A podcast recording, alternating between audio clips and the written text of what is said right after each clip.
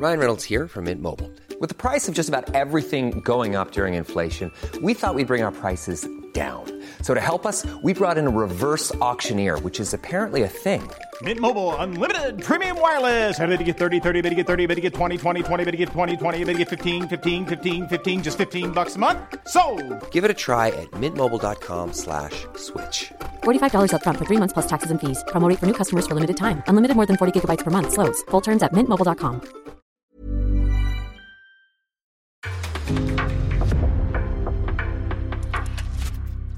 En podcast från Aftonbladet. In the supermarket, you have eggs class 1, class 2, class 3. And some are more expensive than others, and some give you better omelets. That's the wrong information. Wrong, wrong, wrong information. I didn't say that. That's the wrong information. Do you think I'm an idiot? Wrong, wrong, wrong information. Now look at me when I talk to you. Your job is to tell the truth. That's the wrong information. Wrong, wrong information. Sillypodden tillbaka i sin renaste, skäraste form. Här sitter Makoto och nynnar eh, för Jag sig var inte själv. med på att du skulle starta avsnittet här mitt i. Så att Nej. Eh, nej men Sillypodden tillbaka i, helt i sin eh, vanliga kostym får vi säga. Mm. Eh, vi lämnar VM bakom oss, typ. Det kommer ju såklart pratas en hel del VM. Eh, I alla fall några av spelarna vi har pratat om under de senaste veckorna kommer såklart dyka upp även i det här avsnittet. Vi ska prata lite Messi till exempel. Enzo Fernandes. VM-effekten på Lionel Messi, eller hur? Ja, Den här nya killen som gick och vann VM-guld, han, är, han är intressant. den här VM-succén, han kommer göra, han kommer göra fiasko någonstans i Ja, England. nu. något, lag som Eh. betalar överpris för honom efter den här VM-succén och förblindas över när han lyfter bucklan. Nej. Eh, Men ja, precis. Ska vi gå in på Messi direkt eller? Vi kan väl dyka rätt in Ja. på Messi, vi har en hel del frågor vi ska svara på Mm. också men eh, PSG där han ju spelar nu, det har ju varit väldigt mycket rykten om eh, MLS, Mm. eh, det har pratats lite grann om en återkomst till Barcelona, eh, men nu verkar det som att PSG är inställda på att förlänga ytterligare ett år. Ja, det fanns ju en tid där faktiskt eh, uppgavs väldigt trovärdigt och mycket om att Barcelona var aktuellt och sen har det på något sätt bara dött ut hela den diskussionen. Eh, det var snarare Miami-diskussionen som tog över det, just inte Miami som det, som det är som som Messi skulle vara intresserad att flytta till med också, han har en del kopplingar till staden Miami med familjen och så vidare och det är där väldigt ofta och det finns väldigt mycket logik bakom den flytten. Men han verkar inte vara helt klar än. Eh, PSG vill väldigt gärna behålla honom, det har de varit väldigt tydliga med i ytterligare ett år och det verkar som, om man ska tro samstämmiga uppgifter, att han just nu lutar åt att han kanske ändå stannar ett år till i Paris Saint-Germain och eh, därefter då möjligtvis gör den här USA-flytten. Eh, och det känns ju ändå som att han som nybliven världsmästare ändå vill kanske kröna med ytterligare ett år och kanske vinna ytterligare någonting på klubblagsnivå. Han har ju fortfarande inte åstadkommit det han är hämtad till PSG för att göra. Det ska vi komma ihåg också. Det är ju att ta den där Champions League-bucklan som de inte har lyckats göra än. Nu har de ja, VM-finalen och hela världsmästerskapets två bästa spelare i sin offensiv som de båda vill behålla båda två. Det har ju ryktats om Kylian Mbappé också. Vi kommer prata om honom igen även i det här vinterfönstret och Neymar på det också. Så en revanschsugen Neymar. Så de, de har ju materialet för det så att säga om alla samsas och håller ordning och det inte blir för mycket dokusåpa av det hela. Eh, men jag, jag lutar ju åt att han stannar i eh, PSG i alla fall. Mm. Ehm, ja, nej men eh, det, det, är ju- det är ju där han kommer tjäna mest pengar så att det är väl inte helt orimligt. Han tjänar väldigt mycket pengar i PSG så att vill de förlänga ett år till, eh, han känner kanske att han har mer, jag kan också tänka mig att han får mer lust att fortsätta spela. Han spelar så pass bra som man gör i det här VMet, han får vinna den här, det är liksom, man får en, eh, man får ju en boost såklart utav de här framgångarna och känner kanske att fan jag har mer ge, det skulle vara coolt att vinna Champions League med en annan klubb än Barcelona till exempel. Dra på sig bischen igen ännu en gång. I något annat, för att lyfta en annan trofé. Äh, vi, vi, nej men eh, det finns mycket som är logiskt i det och han verkar ändå trivas ganska bra där och han och Neymar är ju jättegoda vänner sedan tidigare också och, och, och trivs bra med varandra på planen. Han har visat jättefin form under hösten ska vi komma ihåg. Det är inte en Messi som kommer in till det här, som kom in till det här VMet med någon, med någon sviktande form utan han kom in med, ja, skäl att argumentera för att han har varit en av världens bästa spelare idag också.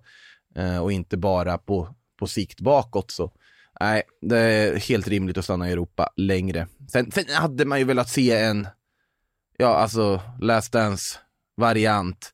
Se honom ju på varit- något sätt avsluta det kapitlet hade varit väldigt vackert för Sagan tycker jag, men samtidigt PSG kan ju utmana om titlar som Barcelona inte kan just nu. Det är väl känslan. Så är det verkligen. Ehm, Messi kanske ingen mästerskapsraket. Vi, vi visste ju vem Messi var redan innan det här eh, VMet.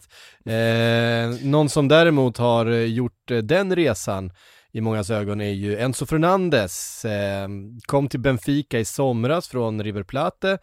Eh, inte så, har gjort en fin säsong i, i Benfica, absolut. Defensiv mittfältare, kommer in till det här argentinska laget, slår sig in, Lo Celso skadas bland annat, eh, tar den här platsen och är, ja han är ju med i vår VM 11 som vi tar ut eh, till exempel och det har då ryktats om att, först kom det rykten om att Liverpool hade skrivit ett förkontrakt Mm eh, med Benfica om Enzo Fernandes redan före VM. Eh, Ja, de det dök upp före VM också. Ja. Ja. Mm. Eh, det har då förnekats, det ska inte finnas något sånt, intresset är där, det pratas om att han eventuellt ska göra den flytten till sommaren. Eh, men man kommer såklart, efter, framförallt efter sånt här VM, så kommer man ju inte vara ensam om jakten på den här signaturen.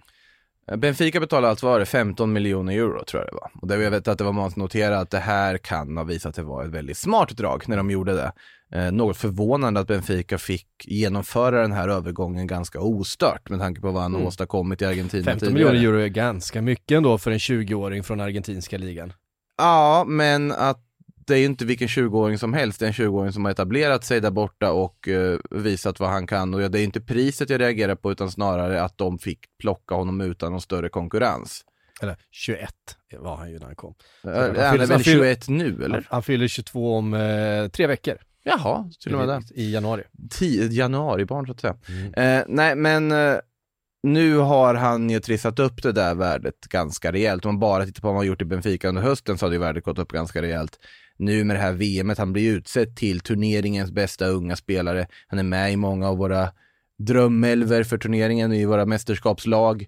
Han har ja, verkligen spelat sig in i det här argentinska landslaget, varit en bärande del av det här argentinska landslaget. Och Benfica måste ju bara sitta och njuta och återigen är det bara att lyfta på hatten för Benfica scoutingverksamhet. Inte bara deras ungdomsakademi som plockar fram nya stjärnor en efter annan, utan de har ju en otroligt bra scoutingverksamhet och otrolig förmåga att pricka rätt på värvningar. Vi ska ju komma ihåg att det var väl ungefär liknande summor de hämtade Darwin Nunez från, från Almeria en gång i tiden, när innan han då fick sitt stora genombrott i Benfica och såldes för det han såldes för till, till Liverpool, eh, som ett exempel. Så nej, de, de gör mycket rätt i den klubben. Dessutom spelar de ju fantastiskt bra fotboll också, uppenbarligen med det material de har. För att det är ett Benfica som har varit alldeles strålande i Champions League hittills. Eh, under, under gruppspelet då, med Roger Schmidt som tränare. Mm. Så vi får se. Men jag, jag har svårt att se att han drar nu i vinter. Nej, jag tror inte han drar i januari och det var väl inte det som ryktades heller utan Nej. det handlar om ett förkontrakt inför sommaren. Eh, han har då en utköpsklausul enligt portugisisk media som ligger på eh, runt 120 miljoner euro eller 105 miljoner pund så det är ju Mm. rejält med pengar. Eh, Det betalar sägas. ingen nu om de inte är tokdesperata. Ja, det, det, den, den utköps- utköpsklausulen finns då. Den Mm. skulle man ju då kunna trigga redan i januari såklart. Ehm, men eh, det handlar väl i första hand om att eh, komma överens om en övergångssumma till nästa sommar eh, Eh, för Enzo Fernandes. Det är i alla fall det som Liverpool har försökt göra tidigare enligt rapporter. Det finns dock ingenting skrivet här och nu. Ehm, vi vet ju också att Liverpool jagar eh, Jude Bellingham dessutom. Eh, att, att lösa båda känns ett, väldigt dyrt. Två, som att, ja men ska de två komma till sommaren då? Eh, Liverpool är ju framförallt i stort behov av mittfältare här och nu. Eh, så att, ja det är, ehm, det kommer bli, det kommer vara många där och dra. Så, så kan vi väl säga. Finns- Och jag tror inte att det är omöjligt om det är tillräckligt många som är där och dra. Säg att han gör en fantastisk Mm. eh, säsong i Benfica, den fina formen, fortsätter eh, i Champions League och i ligan och så vidare under säsongerna, men då kommer de säkert få den där klausulen betald. Eh, det skulle inte alls förvåna mig. Ja, de är bra på att ta pengar också. Sen Men är, en, en 22-åring som redan är så här bra, han är argentinare, han är liksom, eh, han har ett namn, jag menar, eh, det, det, makes sense liksom. Han är dock en eh, innermittfältare som i grunden har en defensiv prägel, även om han har varit briljant offensiv också i, Mm. här och visat det. Han har ju han har ju tvåvägskapacitet där, han är Mm. väldigt komplett som mittfältare och kan hantera väldigt mycket på planen och passningsfoten är ju Men strålande vi, har ju varit också. in, vi har ju varit inne på det, att det, det är det man vill ha nu, man vill ju ha en, en, en Ja, tvåvägsmittfältare som defensivt alternativ. Det är en sak med Jude Bellingham som är 19 år och är bärande i ett lag som Borussia Dortmund och Mm. gjort det under ganska många år. Dessutom har ett engelskt namn Mm. eh, och så vidare. Där finns en hype som är på en helt annan nivå. Jag tror, jag har svårt att se någon klubb betala en miljard för Enzo Fernandes här och nu på VM-hypen. Då ska han ju göra, då ska han ju ta Benfica till, ja typ semifinal i Champions League. Då kan vi börja prata att han eh, på egen hand, ungefär som Frenkie de Jong gjorde där under den där Ajax-resan. Eh, Då kan vi prata om att det kan vara väldigt stora summor som betalas, men jag tror att klubbarna ändå är lite mer avvaktande här. Eh, det ska ju vara, förutom Liverpool, Manchester United, det är ju där Newcastle ska vara väldigt intresserade och kopplas väldigt friskt samman med honom också. Eh, Real Madrid har varit intresserade sedan länge av den här spelaren, men eh, Ja, så du, nämnde det, det blir svårt att lösa både Bellingham och Fernandes, så det finns en möjlighet att det blir bara Fernandes och ingen Bellingham. Mm. Och det vet inte vad, liksom ur Liverpool-kretsen, med tanke på att Bellingham är så pass önskad. Det handlar ju framförallt om att han och hans familj vill hem till England igen. Eh, De ser det som det mest naturliga steget i, i hans liv och hans karriär. Och att, men han är så pass ung att man har alla möjligheter att spela för vilken klubb som helst i världen. Om den här utvecklingen fortsätter, om man fortsätter att utvecklas. Eh, så att man kan göra steget till Spanien eller till Bayern München eller vilket lag det nu än är, till PSG, alltså vilket lag det nu än är som, som Mm. eh, kan erbjuda det mest intressanta längre fram. Eh, men att man nu vill flytta tillbaka till England och då, då handlar det väl om, om tre klubbar, Liverpool City eller kanske Chelsea, Manchester United, eh, vad det nu är. Jag tror, det, det, jag det, tror inte Arsenal och Tottenham är där. Eh, det, det, det är ju lite det jag känner Mm. är eh, det man missar i sådana fall. Det är klart att det är eh, mycket pengar och så vidare. Jag tror, att man, jag tror att man är beredd att betala de pengarna i och för sig. Men då är frågan, just med tanke på att eh, Jürgen Klopp så tydligt, för det har ju kommit från så många olika källor, att Jürgen Klopp så tydligt har sagt att vi ska ha Bellingham till vilket pris som helst. Det ska vara vår spelare. Det är Mm. han som pushar för det. Om det inte blir så då, då undrar jag vad vi har för relation mellan, eh, mellan den sportsliga ledningen med, med, och Klopp eh, och så vidare eftersom det så tydligt är hans fokus för det här mittfältet. Det är den spelaren han vill bygga det här mittfältet runt. Eh, och, det här, och det är ganska samstämmiga uppgifter som gör gällande att det är Jürgen Klopp framförallt som driver den här jakten på Bellingham, att det är Liverpool som är de som pushar absolut hårdast. Är det inte så på något sätt kanske att Enzo Fernandes, alltså man lägger grunden för en backup? Alltså om det mot förmodan skulle misslyckas med Bellingham, han säger nej men jag ska ju till Real Madrid, vad håller ni på med? Från ingenstans, man vet aldrig.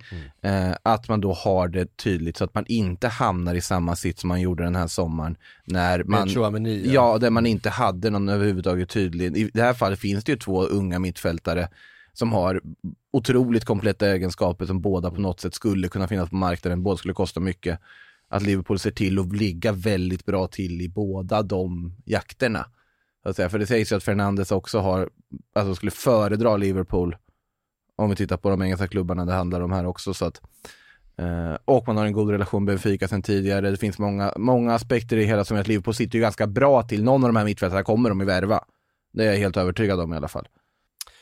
Och det finns såklart fler spännande namn, inte minst det här argentinska laget. Det är ett ganska, ett ganska orutinerat, eh, framförallt mittfält. Visst, Rodrigo de Paul har varit i, i La Liga en bra stund. Han har, varit, och, han har varit bedrövlig under hela hösten och han var bedrövlig i början av den här turneringen också men sen har han ju växt Ja. på ett eh, extremt sätt. Eh, men den kanske, ja vi pratade om eh, Enzo Fernandez som en raket, den andra raketen såklart eh, Alexis McAllister.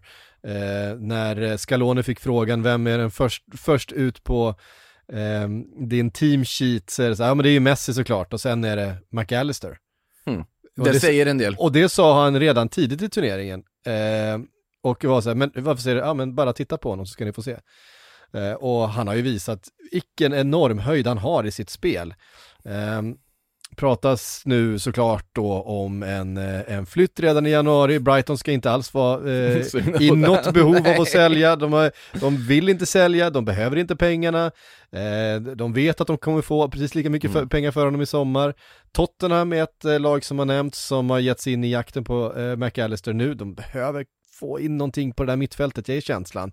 Eh, tycker att eh, Ja, försvaret är bra, tycker, bra att, där, alltså. ty, tycker att anfallet är bra, men, men eh, just på mitten har det gått trögt av någon anledning för Tottenham. De, de, de värvade ganska fint tyckte jag i somras. Det kändes som att Bissouma och så vidare eh, tillsammans med, med de befintliga skulle kunna Ja, Höjbjerg, Bentancourt. Ja. Men det är ju det att det finns inte så mycket bakom det. Bissouma har ju inte alls kommit in i det. Han spelar väl i och för sig eh, när de väljer då tre, tre Mm. mittfältslösningar, men sen har det väl varit Oliver Skip bakom. Ja. Uh, rätta mig om jag har fel om det är någon man har glömt. Tycker man har slarvade bort Gio Lo Celso lite överlag att han inte, absolut han kom inte upp i nivå i Tottenham men det fanns, finns mycket mer fotbollsspelare där.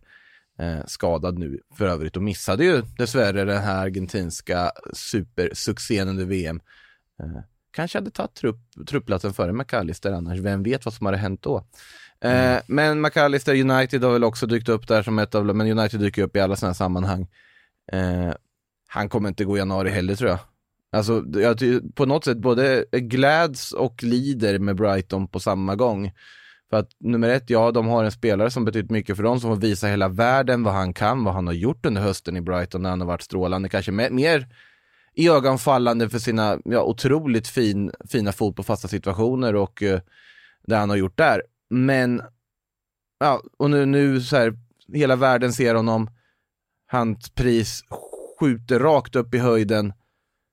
Men Brighton vill inte hamna i det här läget, de vill inte sälja mer som du sa, så att eh, Nej, de har ju inget, samtidigt så är det klart att han själv är, är nog sugen på en flytt. Eh, Att liksom smida medan järnet är Ja, varmt det här. tror jag absolut, det tror jag absolut. Om, det beror ju på vilka klubbar som kommer såklart, men Ja, och frågan är ifall Tottenham är, är en klubb som kan locka tillräckligt mycket för att han ska liksom eh, på något sätt tvinga igenom en flytt i, i januari redan. Jag, jag tror nog att han blir kvar resten av säsongen, åtminstone i, i Brighton. Eh, sen är ju frågan också, det är inte så att, det är inte så att han har varit ligans bästa. Vi, den spelaren i Brighton vi har pratat mest om har ju varit Trossard ja, men han är ju bara bra mot vissa lag. Ja, han är bra mot de bra. Han hade inget bra VM. Nej, det, hade han inte. När han väl fick spela Eh, han fick så inte var spela han mot ju... tillräckligt bra motstånd.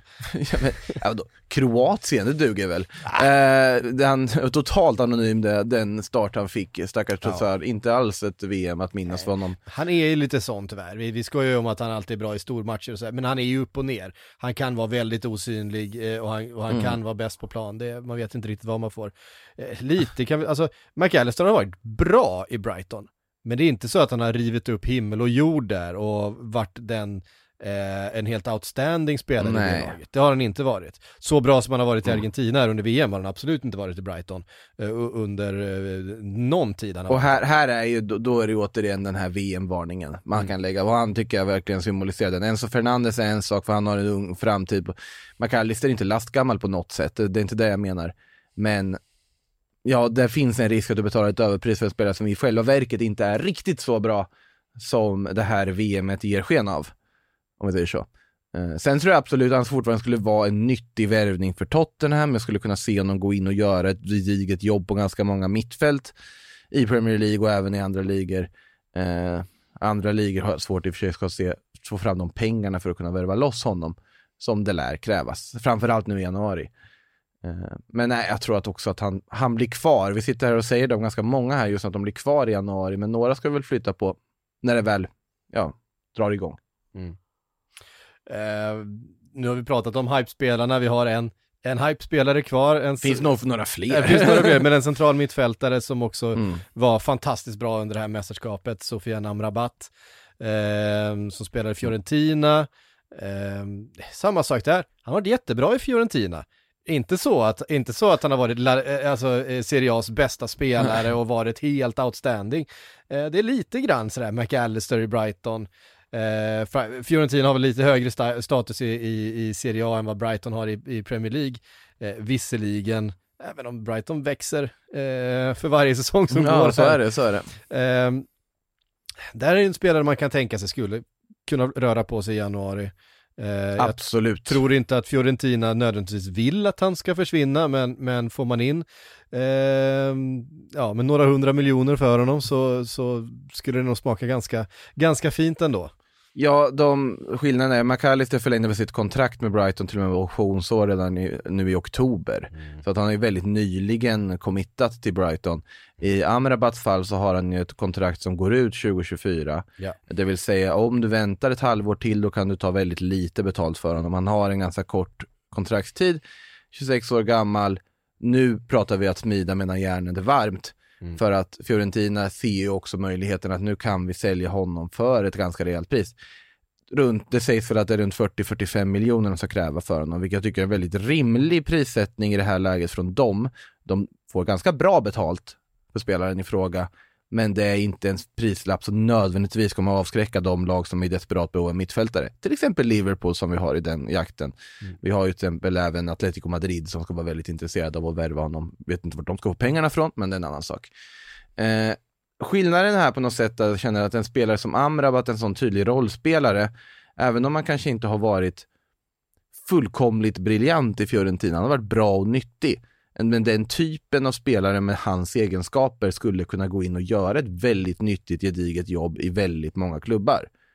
För det är en tydlig bollvinnare, det är en defensiv mittfältsankare som sliter, kämpar, eh, även har andra egenskaper och fina fötter. Så jag ser ju väldigt stora möjligheter att det skulle vara en lyckad värvning även om den är baserad på någon sorts VM-hype och att den, spelaren skulle gå in och göra ett väldigt bra jobb. Han har ju kopplat samman med Tottenham som du nämnde tidigare väldigt mycket tidigare. Eh, var ju väldigt mycket snack om Tottenham både förra fönstret och fönstret innan det. Eh, fönstret innan det alltså slutade ju med Bentancourt istället som man värvade då. Eh, och då var det ju mindre summor det pratades om i övergång. Men eh, nu har ju VM-prislapp nu har du väldigt många fler klubbar som är intresserade och jag tycker det, jag blivit väldigt förvånad om inte någon klubb faktiskt köper loss samrabatt för det finns ju många lag som behöver innermittfältare och framförallt i den profilen. Liverpool ja, till exempel. Verkligen. Ja, men det, det känns som en eh, eh en spelare som skulle passa, han har rätt åldersprofil, han har eh, Eh, alltså han, ska kliva in i sina bästa år nu. Eh, Utifrån den ett... gamla modellen som vi har förväntat oss, jag tror att den har sjunkit lite, men det är en annan sak. ja. ja. Eh, nej men det är också en prisbild där man kan tänka sig att det är en spelare som kommer in, eh, släcker bränder här och nu, Eh, tar en mer en rotationsroll kanske om ett eller två år, han finns tillgänglig, han är inspelad, när du väl kanske ska ha in en Jude Bellingham kanske, och en eh, talang till, jag menar, eh, du har också talanger i klubben som ska på något sätt slussas in i det här laget, ehm, med Harvey Elliott och så, och så vidare som man fortfarande tror mycket på, eh, där ehm, man kanske inte måste göra en ekonomisk vinst på en Amrabat om man får honom för, säg 30 miljoner pund. Vilka jag i och för sig inte tror att det kommer kosta mer, men absolut. Ja, kommer heller inte ha en, en jättehög lön. Eh, lite så som James Milner har varit, nu är James Milner på väg ut från mm. Liverpool vad det verkar. Eh, vi får se lite grann, det, det pratas om ganska stora eh, eh, omgörningar på det mittfältet under de här närmaste åren. Jag tror du skulle säga, sense. det pratade om ganska stora anbud från bland annat Qatar och Saudi till James Milner. Det hade varit någonting. Ja, det hade, det hade varit märkligt. De borde försöka. Man vill ju fortfarande att James Milner ska hem och göra en säsong i Leeds, att ja. han ska liksom knyta ihop den där säcken. Men ska han göra det under Jesse Marsh i det här Leeds? Ja, varför inte? Vad fan, alltså... Ja, han kanske hade tillfört ganska mycket i och för sig. Sillypodden hade... tillbaka, nu är jag på James Milner igen, det, det är ändå fint. Det är klart. här tycker jag ju också, Tottenham borde ju åter, eh, alltså väcka det där intresset ganska rejält. En annan klubb jag skulle kunna tänka mig skulle ha ganska mycket nytta av Amrabat i Arsenal. Mm. Alltså som, som komplement där, vem vet när Thomas Partey går sönder? Han gör okay. det förr eller senare på en säsong. Eh, och då är det lite tunt där. Det hade varit väldigt spännande att se honom där och han hade kunnat göra mycket nytta på så vis. Men det mest logiska just nu är ju de som har mest panik för att få in en spelare på den positionen är ju Liverpool. Ja. Eh, Chelsea är en annan klubb som jag tycker han skulle absolut kunna gå in i. De har ju mittfältssituation som vi kommer lite närmare in på om en stund. Eh, där de kommer att behöva värva någonting. Mm. Inte nödvändigtvis det här vinterfönstret, men garanterat. Life is made up of many gorgeous moments. Cherish them all, big and small, with Blue Nile. Whether it's for yourself or a loved one, Blue Nile's unrivaled selection of expertly crafted fine jewelry and statement pieces help make all your moments sparkle. Blue Nile's experts are on hand to guide you, and their diamond guarantee ensures you get the highest quality at the best price. Celebrate a life well lived in the most radiant way and save up to 30% at BlueNile.com. That's BlueNile.com. i sommar. Eh, fler succéer från VM. Eh, här är ju ingen okänd spelare visserligen. Guardiol, eh, RB Leipzig, eh, fin, fina mittback, gjorde ett eh, alldeles Mm. förträffligt VM. Eh, såklart pratas igenom, vi Dö- vet, upp- unga duktiga mittbackar växer inte på trän. Eh, så är det verkligen. Mm. Så att där kommer det definitivt finnas eh, stora anbud att eh, hova in eh, för RB Leipzig när de väl bestämmer sig för att sälja, för de är inte heller i någon position där de behöver sälja någonting eller är ens speciellt intresserade av det. Han dök upp i mitt Twitterflöde nyligen, Guardiol, på någon uh, kroatisk länk där han stod med, eh, med ett stycke tobak i handen. Eh, Efter, efter eh, och firade då, det är på något sätt så här, ja, han får, det, de har tagit ett brons i VM, liksom låt han ha sin minisemester kan jag känna på till viss del. Eh, Men det kanske inte är jätteproffsigt och någonting som kan möjligtvis avskräcka folk. Men det, som sagt, var, Robert Prosinecki klarar sig ganska bra under alla sina år om vi säger så. så att det, det, det, finns ju, det, det finns, finns fotbollsspelare och fotbollsspelare när det kommer till, eh, kommer till det. Men eh, i Guardiols fall, ja Leipzig sitter ju Eh, glatt i den här situationen för att de vet att nej, vi har ingen behov att sälja, vi har ingen stress. Guardiol kom i princip nyss hit, mer eller mindre. Han får, gör det fortfarande jättebra och han själv är vettig nog att veta att han fortfarande kommer få sin flytt förr eller senare och kan nog välja och vraka mellan klubbar då. Eh, vi pratar ändå om att det är klubbar som City, Real Madrid och Chelsea som vill värva honom och det är inte via klubbar som helst. Eh, men han ska ju då ha en utköpsklausul sägs det på runt 1,2 miljarder kronor som aktiveras 2024. Eh, och det ligger ju väldigt bra i tiden. Det är inte omöjligt att Leipzig skulle kunna försöka slå ihop en deal tidigare än så. Att ta 80 miljoner euro i handen eh, för att säkra honom till typ 2023 för att inte få en situation där han sitter och tjurar. Men eh, de har ju alla är på rockärmen här. Ja. Eller alla är i rockärmen på de är absolut inte utan i den. Men nej, det, någonstans kommer han gå förr eller senare, det kan vi säga. Inte dock den här vintern, återigen. Eh, nej, jag tror inte heller det. Och ehm, eh, det är ju igen en sån där spelare som inte behöver ha någon brådska någonstans. Nej, han, han vet vad han kan. Och jag menar, han, han är så ung så att eh, det finns alla möjligheter i världen att eh, eh, gå vart som helst i framtiden. Det handlar här, här om att samla på sig erfarenheter och att utvecklas i så hög utsträckning som möjligt i en miljö som man eh, trivs med och i en grupp som man trivs med. Och har man det där man är så finns det ingen anledning att stressa iväg någonstans. En spelare som inte som, eh, var stressad över sin klubblagssituation hade inte firat en bronspeng med att ta en sig på krogen. Han, han, är ganska lugn i sin situation på alla sätt och vis. Absolut. Eh, Chelsea är ju en spelare som har nämnts med Guardiol, men där pratas det ju om mittfältsförstärkningar. Eh, vi, nämnde, Också. vi nämnde Amrabat. ehm, eh, det pratas också om Caicedo, igen, från det Brighton. pratas om alla, alla klubbar, Caicedo, Caicedo bud hit och dit. Det är United, det är Liverpool, det är Chelsea, det är... Ja. Igen, Brighton eh, behöver inte sälja någon och de är inte su- sugna på att sälja någon. Han var faktiskt väldigt bra i VM också, vi ska komma ihåg det. Jag tyckte lite synd om Ecuador, för jag tyckte de gjorde, de gjorde tre väldigt bra matcher. Mm. Men ja, mot Senegal, absolut, de har en period i den matchen där de inte kommer upp i nivå, det är det som blir fallet för dem. Eh, Men de spelar jämnt med Nederländerna, de ja, körde ju fullkomligt över Qatar i, i premiären också. Eh, Och har ett väldigt bra lag. Och Caicedo tyckte jag var en av de som briljerade mest. Eh, han kommer spela fler VM, det är jag helt övertygad om. Men då kommer han antagligen göra det i en större klubb, det är väl känslan. Det är väldigt, väldigt mycket, ja det kan inte vara så mycket rök utan eld så att säga och vi har ju alla sett vad han kan göra, den spelaren. Men jag tror inte heller att det blir någonting i januari om man inte betalar ett väldigt stort överpris. Men sen är det ju en mittfältare som har väldigt spännande egenskaper och är väldigt ung fortfarande. Mm. Eh, det pratas också om då eh, Bayer Leverkusens, du får hjälpa mig med uttalet här på efternamnet. Ja, Hinkapi. Hinkapi, alltså det är ju en accent över et. Ja, Hinkapi är. Ja, Måste det bli. Hinkapi. Ja, Ehm, ekvadorianska namn sitter här. Precis, eh, 20 år gammal. Ehm, Också gjorde ett jättefint VM i hjärtat av det ekvadorianska försvaret. Eh, fick ett stora genombrott i Bayer Leverkusen förra säsongen. Mm. Eh, ska ju vara någon form av backup-alternativ som Chelsea överväger då, sägs det enligt Sky Sports i alla fall, istället då för Guardiol om man inte lyckas lösa honom och vinna den dragkampen. Eh, Hincapie som har en förvånansvärt låg transfersumma som det rapporteras om kring runt liksom 30 miljoner värderas han till i euro då. Det tycker jag är väldigt lågt för honom. Borde värderas högre. Skulle säkert kosta lite mer också kan man tänka sig. Eh, men ja, det är en sån spelare som har väldigt kul att se i en, i en större klubb. Jag hoppas inte att han gör den här flytten som vi sett många väldigt lovande spelare i typ La Liga, Bundesliga, Serie A göra, typ hamna i Aston Villa.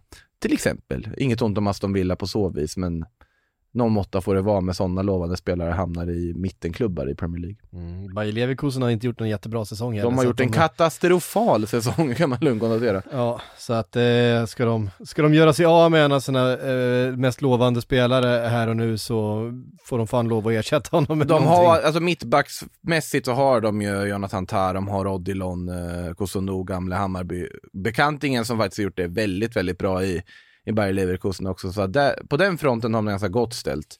Ändå måste man säga. Och så har de ju Tapsoba givetvis eh, dessutom som var verkligen i ropet för, för något år sedan. Så att den positionen är de ju ganska gott ställt på. Hinkapi och dök, dyker upp lite från ingenstans förra säsongen. Blir, eh, alltså jag tror att de har råd att sälja men jag hoppas att de tar bra betalt i sånt fall och att han går till en klubb där vi får se honom på den allra högsta nivån. Mm. Ja, det är ju Eh, Bayer Leverkusen också ska jag givetvis säga, så det är en hög nivå på dem. Absolut, bara inte just i tabellen här och nu. Nej, nej absolut inte och inget ont om Bundesliga. Nej, nej, nej. nej. Förlåt om du lyssnar Kevin Böder. eh, Barcelona närmar sig en eh, free transfer för ingen mindre än N'Golo Kanté. Eh, och det jag satt och nynnade på innan, klassiska mm. franska VM-låten. Precis. Eh. Eh, det är klart att N'Golo Kanté, jag tycker en av, en av sin generations absolut bästa eh, defensiva mittbackar, mittbackar, mittfältare. Defensiv eh, mitt, libero. ja. Eh, men en, ett, ett geni på en fotbollsplan som tyvärr då de senaste säsongerna har varit alldeles för skadad. Eh, och när han spelat, ibland var det ett stundtals briljant, men, eh, men också har vi sett honom formsvag faktiskt i, i perioder även. Men då har vi misstänkt att, man, att han kanske har dragits med, med skador och med saker som har hindrat honom för att hans stora förtjänst som fotbollsspelare mm. är ju hans rörlighet, hans förmåga att eh, snabbt ta sig och, och, och täcka stora ytor. Eh, och en, en Kanté som inte kan göra det, som kanske är hindrad lite grann, som kanske inte är lika rapp i vändningarna, som inte är lika, har den där hundradelen in i alla mm. eh, närkamper. Menar, att vara så framgångsrik och vara så liten på den positionen i Premier League, då har man någonting annat, då har man en mm. timing och en eh, en, en spelförståelse som är eh, över något, ja men, något nästan alltså helt unikt. Eh, och det är klart att om Barcelona kan få den N'Golo Kanté, så som han spelade för ja, men VM för fyra år sedan, de åren när han var som allra, allra bäst, eh, säsongen i Leicester, de två säsongerna som följde i Chelsea, där jag tyckte att han var kanske hela världens bästa på sin position. Mm. Eh, där är ju rätt länge sedan han var. Um, och kan Barcelona få den N'Golo Kanté, ja men då är det ju fullständig jackpot. Får de inte det, då har de fler gamla spelare med hög lön mm. eh, att förhålla sig till och kontrakt som ska förhandlas och som man kanske kan inte ha råd med i slutändan. Eh, det, Barcelona har ju en väldigt ut, alltså utstuderad strategi verkar som att agera lite som vi sett Juventus göra för några år sedan när man Mm. prickade väldigt rätt på fri transfermarknaden. Vi har sett Bayern München agera på samma vis också tidigare att vara väldigt duktiga på just tidigt connecta med, plocka in alltså duktiga fotbollsspelare som har utgående avtal för att slippa betala transfersummor. Och det tycker jag är väl en väldigt sund och vettig in, alltså, väg att gå för Barcelona i det här läget. Jag har ju pratat mycket om Jorginho också till såklart, som mm. även han är tillgänglig. Det, jag har dock väldigt många tvivel kring om N'Golo Kanté, absolut han är en fantastisk fotbollsspelare om man får vara frisk. Men han, hans stil i Barcelona sett till vad de vill spela för fotboll.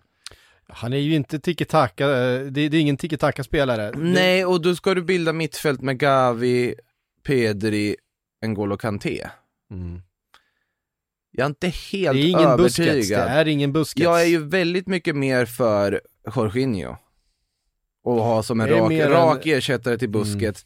För mittfältet tycker inte jag bara slå, absolut, jag vet att de vill ha en mer bollvinnande typ för de tycker inte att Frank Si har funkat. Jag tycker väl att Frank Si ska få lite mer matcher, speltid och tid på sig att faktiskt visa vad han kan. För hittills har det varit ett fullkomligt slöseri att se honom använda så lite som han har gjort. Och där kunde man argumentera för att, ja varför värvar de Kessie i första taget när det inte, uppenbarligen inte finns en plats för hans spelstil i det här på start, i, på planen. Mm. Ja, vi ska, Frenkie de Jong ska ju in i den här kategorin också när vi pratar in i. Men Barcelona ska ju oavsett dock vilja ha in just in i och de vill ha en bollvinnande typ på det här sättet. Eh, de har ju kopplat väldigt mycket samman med Onahi som är en bolltransporterande typ som jag verkligen slagit igenom.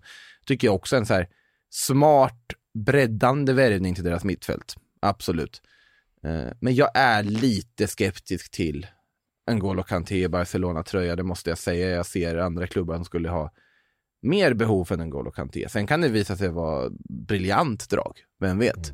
Mm. Eh, om han får hålla sig skadefri, men jag är lite orolig att han inte kommer göra det. Mm. För det har Nej. varit väldigt mycket. Ja men för, bara förra säsongen eh, så pratade vi alltså, ja. han inledde säsongen med en eh, ljumsk skada som höll honom borta några matcher.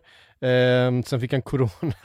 Och ja, det är svårt att, ja. Ja, sen hade han ett, eh, en knäskada i november när han precis hade kommit tillbaka från, mm. från covid, eh, som håller honom borta över hela julperioden. Kommer tillbaka i januari, eh, drar på sig corona igen. Ehm, eh, kommer tillbaka efter ett par månader, drar på sig en knäskada i, eh, i april och missar slutet på, på den säsongen. Börjar den här säsongen med att dra en, en hamstring tidigt och har varit borta i stort sett mm. hela den här säsongen. Um, så att ja, det det två säsonger uh, i stort sett pratar vi om mm. som han, uh, nu vet jag inte när, när han är tillbaka och redo för spel igen. Uh, hamstring är ju lurigt för att de mm. kan vara väldigt mycket allvarligare än vad man först tänker att de är. Ja, och det, man märker ju att det, alltså, som sagt, det kom ju ganska tidigt, han skulle missa VM, det har väldigt mm. oklart när han kommer tillbaka och väldigt oroväckande på så vis. Eh, måste bara säga, Transfermarkt är verkligen en fantastisk sida just den där, den där fliken är mm. helt otrolig. Men eh, nej, det, jag är skeptisk. Jag är skeptisk ändå, för att en av anledningarna till att Kanté inte vill förlänga med Chelsea har att göra med kontraktslängd och så vidare också. Han kommer inte få något tvåårsavtal i Barcelona. Är jag ganska övertygad om. Sport har skrivit väldigt mycket om det här just att Kanté närmar sig, närmar sig, närmar sig hela tiden. Vi får se om det mynnar ut i en övergång till sommaren och då kommer de att säkra den relativt tidigt tror jag också. Um, som sagt, det är en väldigt fin fotbollsspelare som man undrar väldigt mycket gott, men jag har mm. Jag har svårt att se att det ska bli en succé i Barcelona, men jag blir gärna motbevisad för jag tycker N'Golo Kanté är en väldigt sevärd fotbollsspelare. Ja, jag, jag, var, jag är inne och läser här eh, lite grann om hans skadesituation. Han opererades då i oktober för den här mm. hamstringskadan och de räknar med fyra månader från operationen tills att han är igång igen. Eh, då pratar vi hela november, december, januari, februari.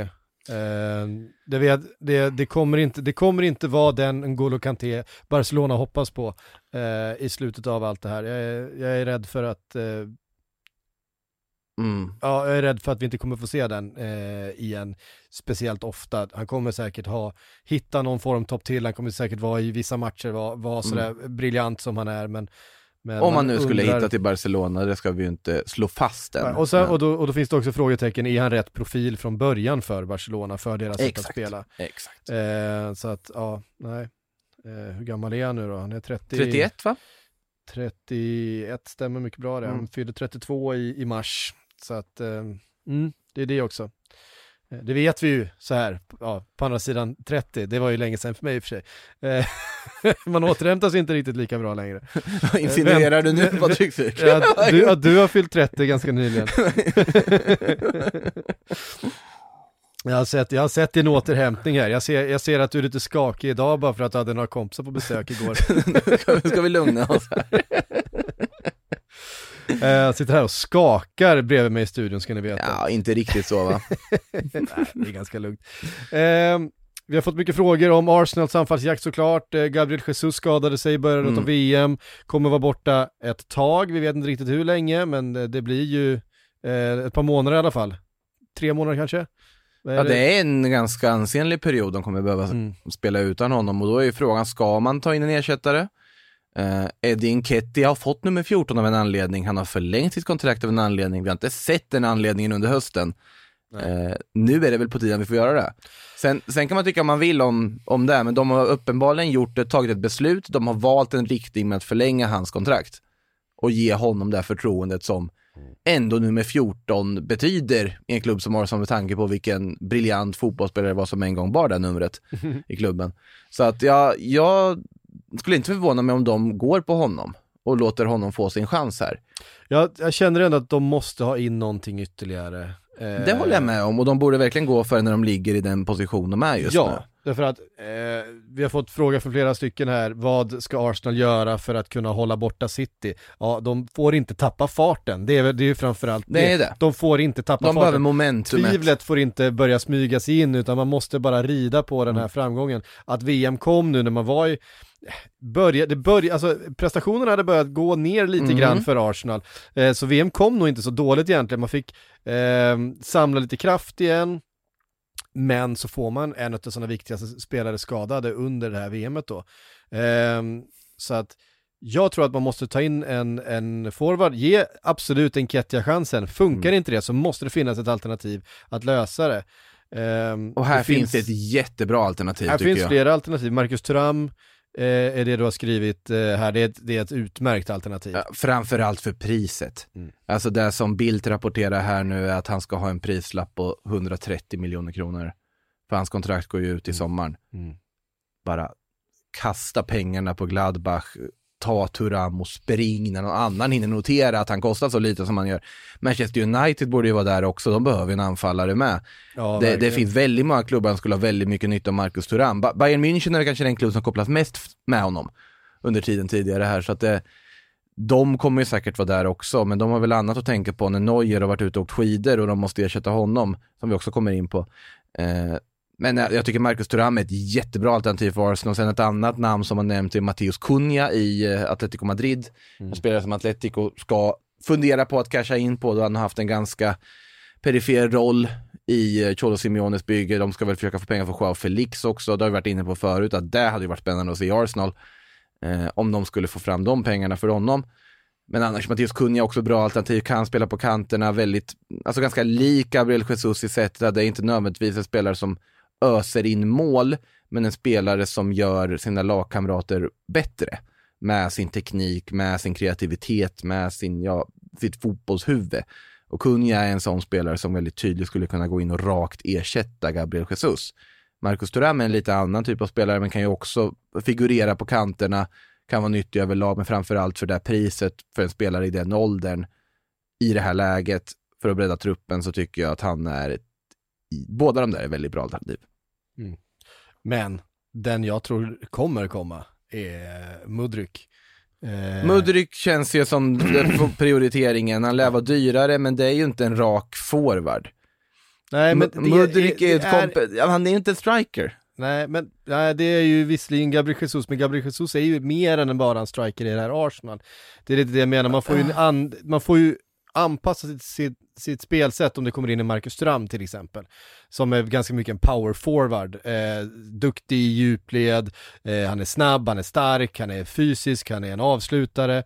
Eh, Gabriel Jesus är ju en länkspelare, en som kan utmana en Exakt. mot en, duktig på små ytor, eh, drar på sig oerhört Mm. mycket bevakning. Eh, det är ju en annan, där tror jag att Mudryk är mer lik i sådana fall. Mudryk är en speedkula i alla fall från där jag har liksom sett, men då känns det väl logiskt att Ja men det kanske är en Kettia som kommer vara första valet när Gabriel Jesus skadad. Jag ska komma ihåg, det är några månader han kommer komma tillbaka när säsongen är slut. För det är det som är grejen, de kan ju inte gå in och liksom köpa en rak ersättare till Gabriel Jesus, för då står du med två stycken.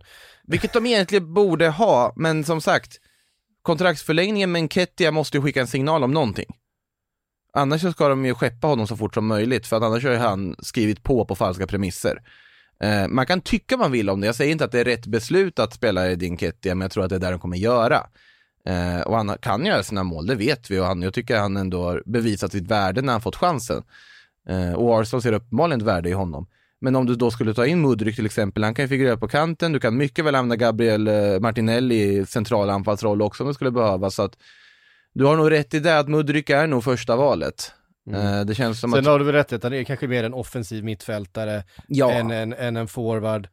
Han är Eh, mer ett men jag- det- komplement ja, men- till- Men det, jag, jag, han är så dribblings... Alltså han är ju, det, alltså, jag har inte sett jättemycket av Mudryk, man har sett honom i Champions League, man har sett highlights, eh, men det man framförallt har sett är ju målen och Ja. alla de här eh, dribblingarna och fantastiska finterna. Snabb och blond är han. Ja. Eh, nej men då, sen har du ju Fabio Vera som ska in i den här ekvationen också, som säkert ska få sin speltid, som är värvat som en truppbreddande spelare, men det är ju just det, du värvar ju truppbreddande spelare för att de ska kunna vara tillgängliga i ett sånt här läge. Så att eh, jag tror ändå Arsenal inte är så stressade och jag är inte förvånad om, ja Mudryk vill de ju ha, men det tror jag finns en eh, långsiktigare tanke med också. Eh, Men om det inte blir honom så tror jag inte att de kommer panikvärva in någon, även om jag tycker att Marcus Thuram för det här priset är ett fynd. Mm. Ja, jag är också väldigt förtjust i Marcus Ström, Jag tyckte också han har varit bra när han har kommit in för, för Frankrike. Han är ett hot hela tiden. Eh, framförallt den här kombinationen utav fysik och, eh, och snabbhet. Speed, alltså, ja, jag tycker han är en väldigt bra anfallare, han har visat det i Gladbach under hösten också. Vi har ju sett den profilen ganska mycket här nu. Vi tittar på en Haaland, vi tittar på en Darwin. Det är stora, det är starka och väldigt snabba forwards Mm. som har varit liksom modellen. Eh, det är lite det som är trenden just nu. Thuram Och- har väl inte riktigt den edgen kanske riktigt, men Nej, alltså, eh, nej, Ja, jag- jag förstår tanken Vi kan inte jämföra någon med, med Haaland riktigt, för att jag menar, han har ju han har gjort saker som ingen, ingen annan har varit i närheten av rent eh, siffermässigt. Eh, ska det bli kul att se honom igen tycker jag. Det måste Ja. jag säga, det var, det var ett tag sedan nu. Han har vilat, eh, får man hoppas. För att han hade också en, en lite eh, svikande form eh, precis före VM-uppehållet här. Ja, men nu fick han sina dagar i huset i Marbella och sen så har han varit på träningsläger här och är ju superredo för det som komma skall. Han kommer säkert ösa in mål även, även under våren. Ja, det blir, eh, blir mycket spännande. Eh, vi, eh, eh, näm- vi ska ju säga någonting om Bayern München också. Eh, Manuel Neuer bröt benet när han var åkte skidor, eh, klantarslet. Man måste ju vara galen om man sitter som Bayern München-supporter. Vad fan, hur fan kan du åka åka skidor? Eh, det, det är ju en klassiker att det får inte fotbollsspelare göra under karriären och så måste, så måste de ta igen det efter karriären. Eh, men tydligen så får Manuel Neuer göra... Alltså, Neuer det- ligger i någon gränszon. Det göra- förvånar väl ingen att Manuel Neuer får göra som han vill. Nej, såklart. Eh, han är ju Manuel Neuer. Han är en tysk målvakt med pondus. De får göra vad de vill. Vi har sett vad Olli Kahn och Jens Lehmann gjorde genom åren. Ja. Eh, och det är väl fint att Neuer tar fram lite mer av den här galningen i sig så han inte bara framstår som en robot. För det har han ju nästan gjort om man jämför med vad, ja, Olli Kahn och Jens Lehmann gjorde när de var aktiva. Eh, nej men här är det många alternativ och många spännande alternativ som det pratas om. Alltså Alexander Nybel är väl väldigt logiskt alternativ egentligen om man skulle kunna lösa tillbaka honom. Eh, det här är ju en superchans för honom i sånt fall om det skulle gå. Eh, Jan Sommer, det hade ju också varit någonting och ja, stackars Gladbach eh, tar typ en av ligans absolut bästa målvakter eh, om de skulle lösa honom. Han har ju ett utgående avtal men där vill ju även Manchester United, vill ju även de vill ersätta David de Gea med någon. Eh, något överraskande Inter som kopplas samman med Jan Sommer också. De har väl tröttnat på Onana eller på, på Handanovic redan. Eh, det satsa på Onana, låt det vara, känner jag i alla fall. Ja, Eh, faktiskt. Han fick ju lite tidig ledighet också under VM så det var ju perfekt och fick lite vila och hänga med polarna i Kamerun. Eh, Det var fina bilder. Jättefina bilder tyckte jag det var.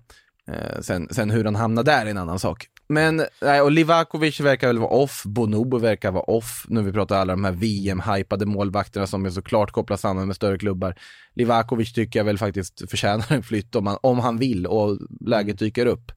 Eh, hade varit en väldigt bra väg. Ska ju enligt rapporterna varit, eh, varit helt briljant även i Dinamo Zagreb. Ja, ja, han har Eh, ja, det. Så är det ju. Före VM också, Mm. det är inte så att han, eh, som vissa svenska målvakter gör ibland, bara plötsligt ser ut som, som världsstjärnor i landslaget. Eh, och så, så fort de drar på sig en klubblagströja så ser de ut som nybörjare. Eh, Nu, nu, nu för tiden så fort de drar på sig en klubblagströja så ser de inte fotbollsplaner. De sitter med träningsoverallen på bänken. Ja. Eh, vilket ju är ett problem tycker jag överlag för svenska målvakter. Eh, men eh, ett annat namn som är väldigt spännande också, men det kommer ju aldrig hända, det är att de kopplas samman med eh, vår vän Emiliano Martinez. Eh, Det hade varit Aston kul Villa- för Robin Olsen om det hände. om Ja men eh, Aston Villa kommer aldrig sälja Men honom. såklart de inte kommer. Sen, Aston Villa har ju, äh, Aston Villa har ju stora planer. De ska, älskar de att du ska ändå ju, uttalade Vilja, som liksom, Ast- Aston Villa. Aston Villa har eh, stora planer för framtiden. De ska ju värva Joao Felix. De kan ju inte, de kan inte göra sig av med spelare. De kommer ju ta typ Hinkapi också. Alltså Ja. det är det som är det värsta. Alltså jag ser ju framför att de kommer värva jättemycket superbra spelare. Kommer... Men nu är Unai Emery tycker jag ett jättebra val för dem. Mm. Jag tror att det här, det här kan bli väldigt bra. Jag tycker Unai Emery är en väldigt duktig tränare, väldigt, väldigt skicklig. Eh, och det känns som att de äntligen har tagit ett rätt beslut som kan ta dem i rätt riktning. Det är min känsla i alla fall med det. Vi får se vad han får, får in för material. Jackson Martinez vill han väl ha, eller eh, från eh, Villarreal som han hade som sin adept där, var det snack om, som, för att bredda anfallspositionen. Vi kastar in lite frågor innan vi knyter ihop för idag. Eh, vi har fått en hel massa. Jonas Åkerblom undrar, vad behöver Newcastle för att hålla sig kvar topp 4? Alternativt klara topp 6? Ja, de har alla möjligheter att klara faktiskt topp 4. Eh, Med det material de med, har. Med det materialet de har. Eh, det de behöver, alltså de behöver lite fler alternativ, de behöver lite mer bredd kanske. Jag tycker startelvan är nog tillräckligt bra. Det är klart att de skulle de behöver få tillbaka sin Alexander Isak, de behöver få in honom i, eh, Callum Wilson är bra, eh, And- Alexander Isak är bättre. Lite Han- osäkert när Isak kommer tillbaka verkar det som också. Ja. Lite oroväckande där att han inte verkar vara klar för ligacupspel som många hoppas han skulle vara nu till veckan. Mm. Eh, får väl se hur status är på honom lite där och hoppas han kommer tillbaka så snart som möjligt. Han erbjuder ju någonting annat än, eh, än vad Callum Wilson gör. Callum Wilson är ju väldigt mycket en, en, en eh, kraftfull eh, boxspelande forward, eh, duktig djupled och, och sådär, men eh, inte, han har inte fötterna på samma sätt som eh, Alexander Isak har, som kan utmana Mm. en mot en, eh, kan erbjuda ett, ett mer etablerat anfallsspel också skulle jag säga, Alexander Isak, eh, tillsammans med spelare som Bruno Guimaraes som har varit helt magisk. Eh, de får väl tillbaks eh, sen Maximan. Ja, där tänkte jag på att där har du ju en, ett, Ett sparkapital i det här Newcastle. Ett visst sparkapital. Eh, som kan, eh, ja verkligen vara en eh, katalysator för dem under våren och verkligen lyfta om Almirons form sviktar något. Vi får väl se om det gör det. Eh, Ja, de, har ju, de har ju några spelare som har spelat lite över sin kanske nat- Almiron till normala exempel. förmåga. Ehm, Hade man inte velat ta in en riktigt, alltså nu är Joel Linton har ju varit strålande i den där rollen eh, som bollvinnare och box-to-box. ja. Men ett ytterligare innermittfältsalternativ hade i alla fall jag gärna sett i Newcastle. Eh, också en spelare som Joe Willock tycker jag också har spelat lite över sin, för, han har överpresterat lite under den här eh, Man förstår hösten. varför de vill ha Enzo Fernandes. Ja, verkligen. Det hade gått in ganska bra i det där laget det, kan är jag ju- säga. Det är ju fortfarande så faktiskt att spelare som Jacob Murphy och Sean Longstaff får- får speltid i det här laget. Det är ju Så ändå att- fint. så att, Jag tycker så att det- det är klart det finns Ja, förbättringspotential. absolut så är det. Eh, Paul det Dammet, hur mycket har han lirat i år? jag tror inte han har spelat så mycket. Eh, men annars tycker jag man har, man har ju Trippier tillbaka, alltså eh, jätte, jättebra. Frisk Trippier, du har Fabian Schär som jag tycker är konstant underskattad i sin mittbacksroll. Ja, man fick in Sven Bottman. Eh, Vår favorit, Burn har vi också. Dan Burn finns. Eh, att man har en bra målvakt i Nick Pope. Eh, Jättebra lag. Ja, och jag menar, Bruno Guimaraes styr och ställer på, på mitten, man får tillbaka Alain Saint-Maximin som ju är Ja, hela ligans värsta sprattelgubbe. Ja. Eh, men, men offensivt, få in en Alexander Isak som håller den här lite högre, Mm. lite högre kvaliteten liksom som på fotbollen än vad, och när han väl spelade, han var ju briljant mot Liverpool till exempel, eh, Alexander Isak, visar ju sin, absolut, alltså sin enormt fina teknik och fina timing. Eh, De har- kan ju sitta väldigt lugnt. Det är det som är intressant, för de har så mycket sparkapital som kan, som kan växa som de inte har fått Nej, men det är lite mer, li, lite mer bredd, lite mer alternativ Mm. eh, på mittfältet. Ehm, för att eh, det är väl, alltså, rätt vad det är så gör inte Jacob Murphy en speciellt bra match. Det har vi också sett tidigare och sen så är det det man har. Han är väl inte det som ingår i den långsiktiga planen för det här Newcastle-projektet direkt Nej, kanske. vi har inte ens nämnt John Joe Shelby som ju finns där också. Han ingår givetvis i projektet. han ingår i alla projekt. Eh, nej men det, så att eh, mi- mittfältsalternativ skulle Ja. jag säga. Och få tillbaka Alexander, Alexander Isak. Ja. Ehm, Långt svar på en kort fråga.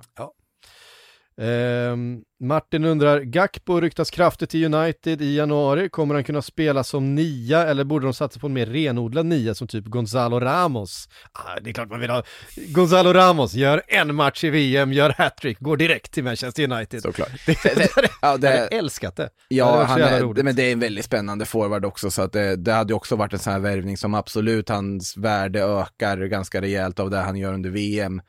Eh, men det är en spelare med väldigt mycket framtidspotential som jag har väldigt svårt att se man ska gå back på om du värvar in honom i alla fall. Eh, på sikt, för du kommer få ganska många år från honom, mycket potential att utveckla. Det är ju just det han har blivit omskolad i den här renodlade anfallsrollen som han har fått det här lyftet. Vi ska komma ihåg att Gonzalo Ramos under tiden i Benfica, bara för några år sedan, så var ju han på väg bort. För att han inte fick speltid, det var ju för ett år sedan till och med där. Som han inte riktigt slog sig in, han hade Darwin Nunez framför han hade Roman Jaremtjuk Jaremchuk framför sig på den tiden och fick inte speltid. Men han lyckades till slut att slå sig in på lite den här mångsidigheten och han kan spela på kanterna, han kan spela som en släpande, han kan spela centralt. Men nu när då Darwin Nunez har gått till Liverpool så har han fått axla rollen som den främste målgöraren och referenspunkten centralt i anfallet och det är där han har ja, blommat ut på allvar. Så jag, nej, jag tycker det har varit en jättebra lösning för United. Lite rolig symbolik i det också givetvis eftersom att man ersätter Cristiano Ronaldo med killen som bänkade Cristiano Ronaldo eh, i VM. Annars, Gakpo, många verkar ju se honom och titta på honom som ett alternativ för en, som en tydlig nia. Det börjar pratas till och med om i vissa kretsar att Real Madrid funderar på att ersätta Karim Benzema med honom på sikt. Det tror jag inte överhuvudtaget på. Att det skulle vara lyckat heller.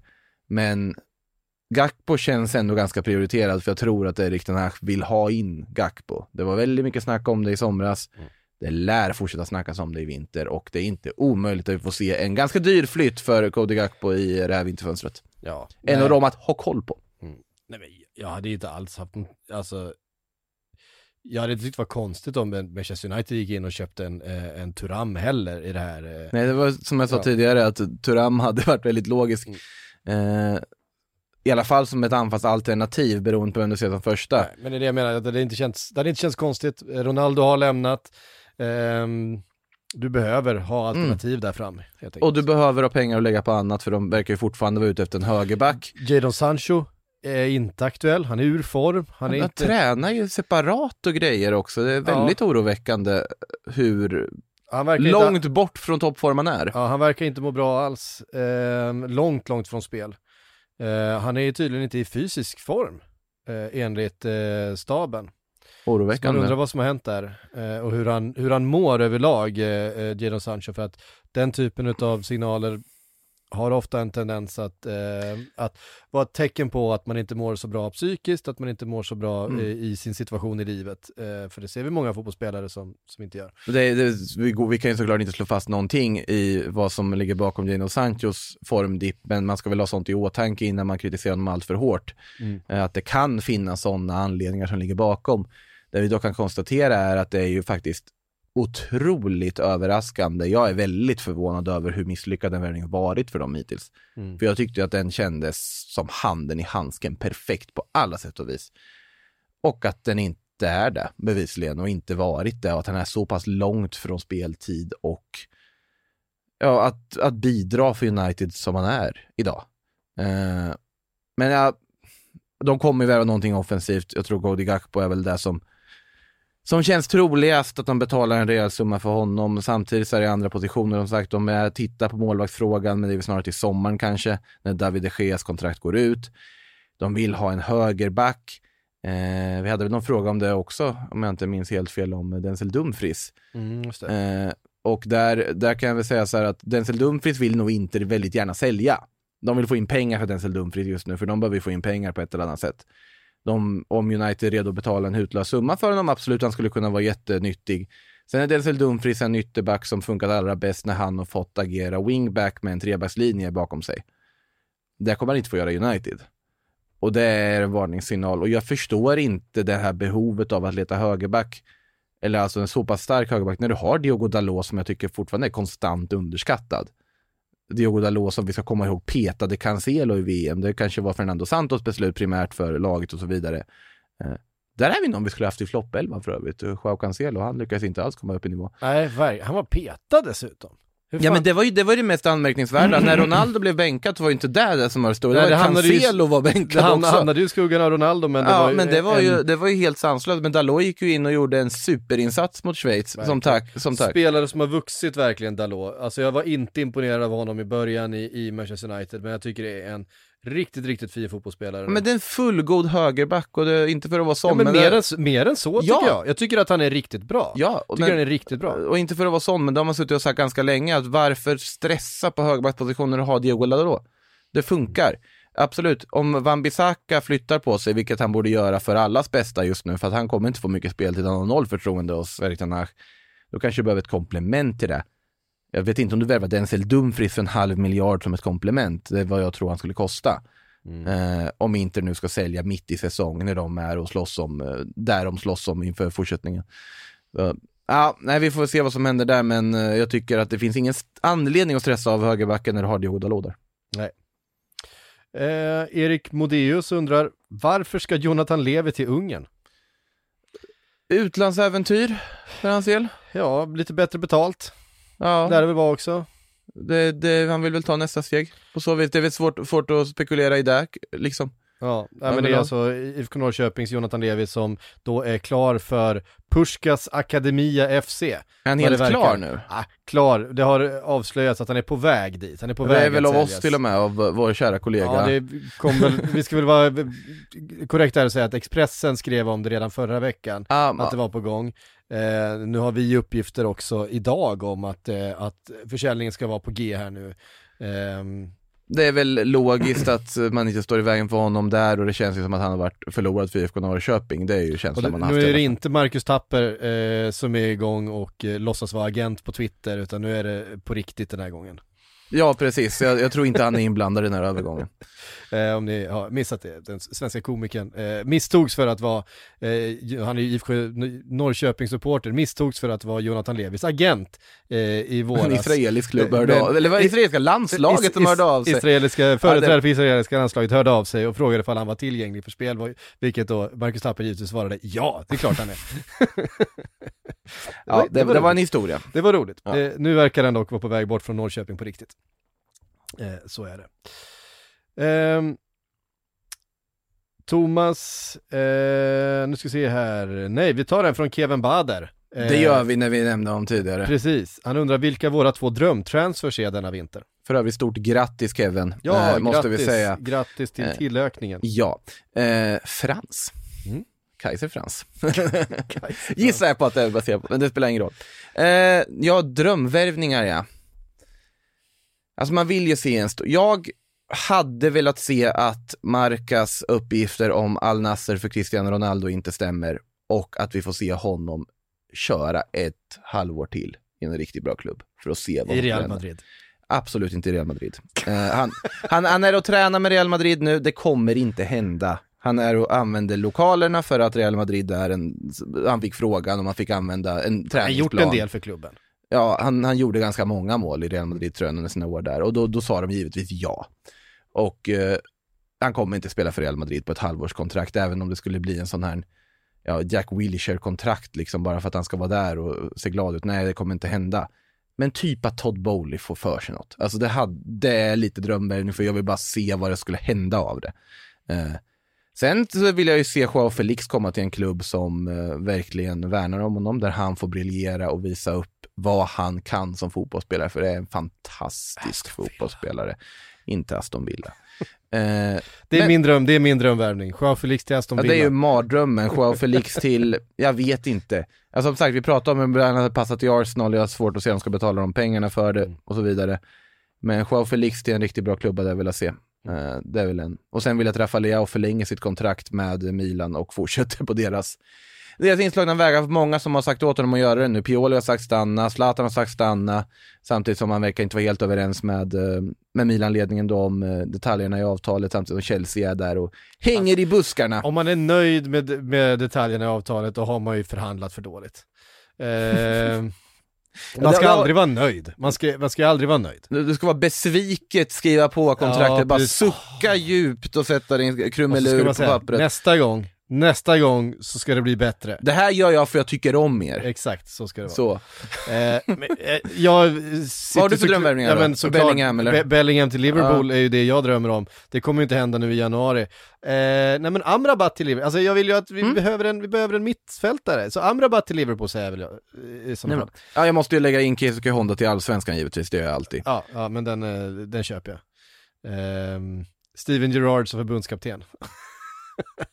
Ja, vi har ju för sig många japaner. I Sverige. Åh herregud.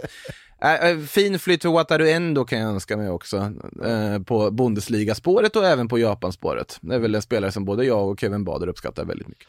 Fint. Ehm, om ett par veckor, ja om en och en halv vecka ungefär så rullar eh, januarifönstret igång. Eh, Fotbollen börjar spelas redan imorgon här med lite ligacup i England. Det är redan ikväll. Eh, är det redan ikväll? Det är det- ligacup redan ikväll, jag minns inte vilka matcher exakt nu. Jag vet att Manchester United spelar imorgon i alla fall. Nu ska vi dubbelkolla, för jag insåg att vi sitter inte och filmar det här avsnittet eh, rakt ut för alla. Eh. Ja men det är Newcastle ikväll. Newcastle ikväll. Mot. Bournemouth och det är också anrika MK Dons som möter Leicester. Eh, Fin, fint möte. Southampton Lincoln Anrika och MK Wolves. Dons nu, nu, nu, nu kommer du få Leo, Leonard Jägerskiöld på dig. Det, det var en, alltså, var ett- ni, måste skämt. lära mig min sarkasm. Det var någon som också ifrågasatt, fick ett läsar, eh, läsarbrev kan man kanske kalla det, Twi- Twitter-DM och läsarbrev kanske inte riktigt två samma sak.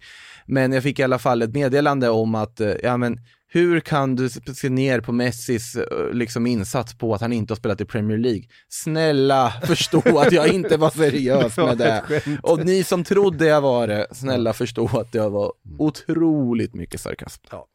Så är det, nu är riktig fotboll igång igen, tack och lov. Från Sillypodden säger vi tack så länge och vi When your skin feels nourished and glows, you radiate confidence. Osea makes giving your skin a glow up easy with their clean, clinically proven Mega Moisture Duo. This seaweed powered duo features two of Osea's best sellers, Undaria Algae Body Oil and Undaria Collagen Body Lotion. Glow from the inside out. Get 10% off your first order with code GLOW at OseaMalibu.com. That's O S E A Malibu.com code GLOW. hörs snart igen.